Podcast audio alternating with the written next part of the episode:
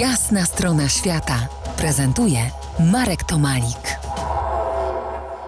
Po jasnej, dobrze doświetlonej stronie świata Leszek Szurkowski, fotograf, ilustrator, autor wielu wystaw w kraju i za granicą.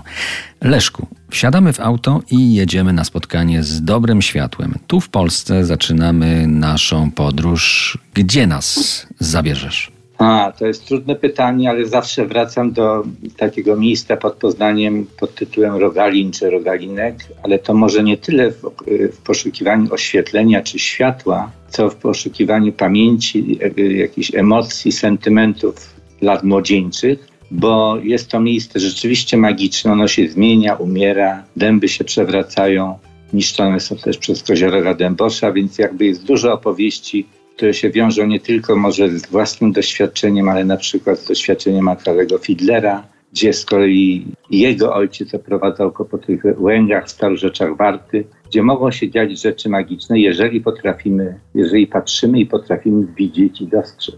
Czaimy się blisko dębów. Tropimy owada, który nazywa się kozioróg dębosz. Pięknie się nazywa. Kim jest? Dlaczego właśnie od lat tropisz właśnie jego? Dlatego, że po pierwsze jest to największy chrząszcz z rodziny kuskowatych w Europie.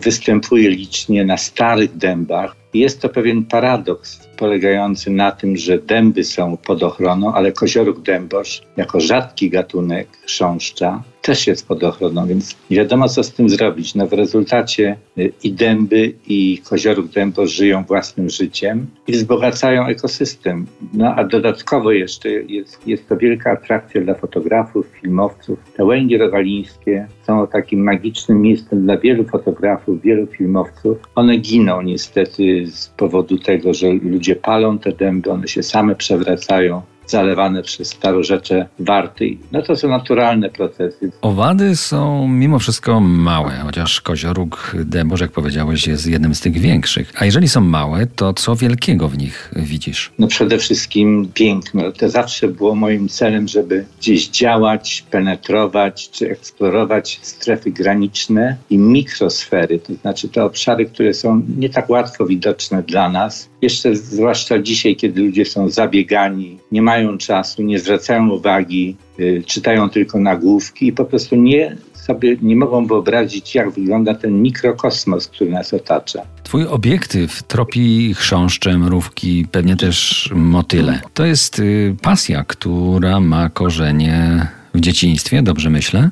No, jak najbardziej i to jeszcze w takim dzieciństwie szkoły, szkoły podstawowej. Wtedy pamiętam z ojcem w Poznaniu, w parku przy ulicy Ogrodowej łapaliśmy jakieś bielinki, proste motyle w bardzo prymitywny sposób. No ale gdzieś to zainteresowanie owadami już się rozpoczęło i to było nawet przed zainteresowaniem się fotografią. Za kilkanaście minut podążymy dalszymi tropami skanowania rzeczywistości. Zostańcie z nami w RMF Classic.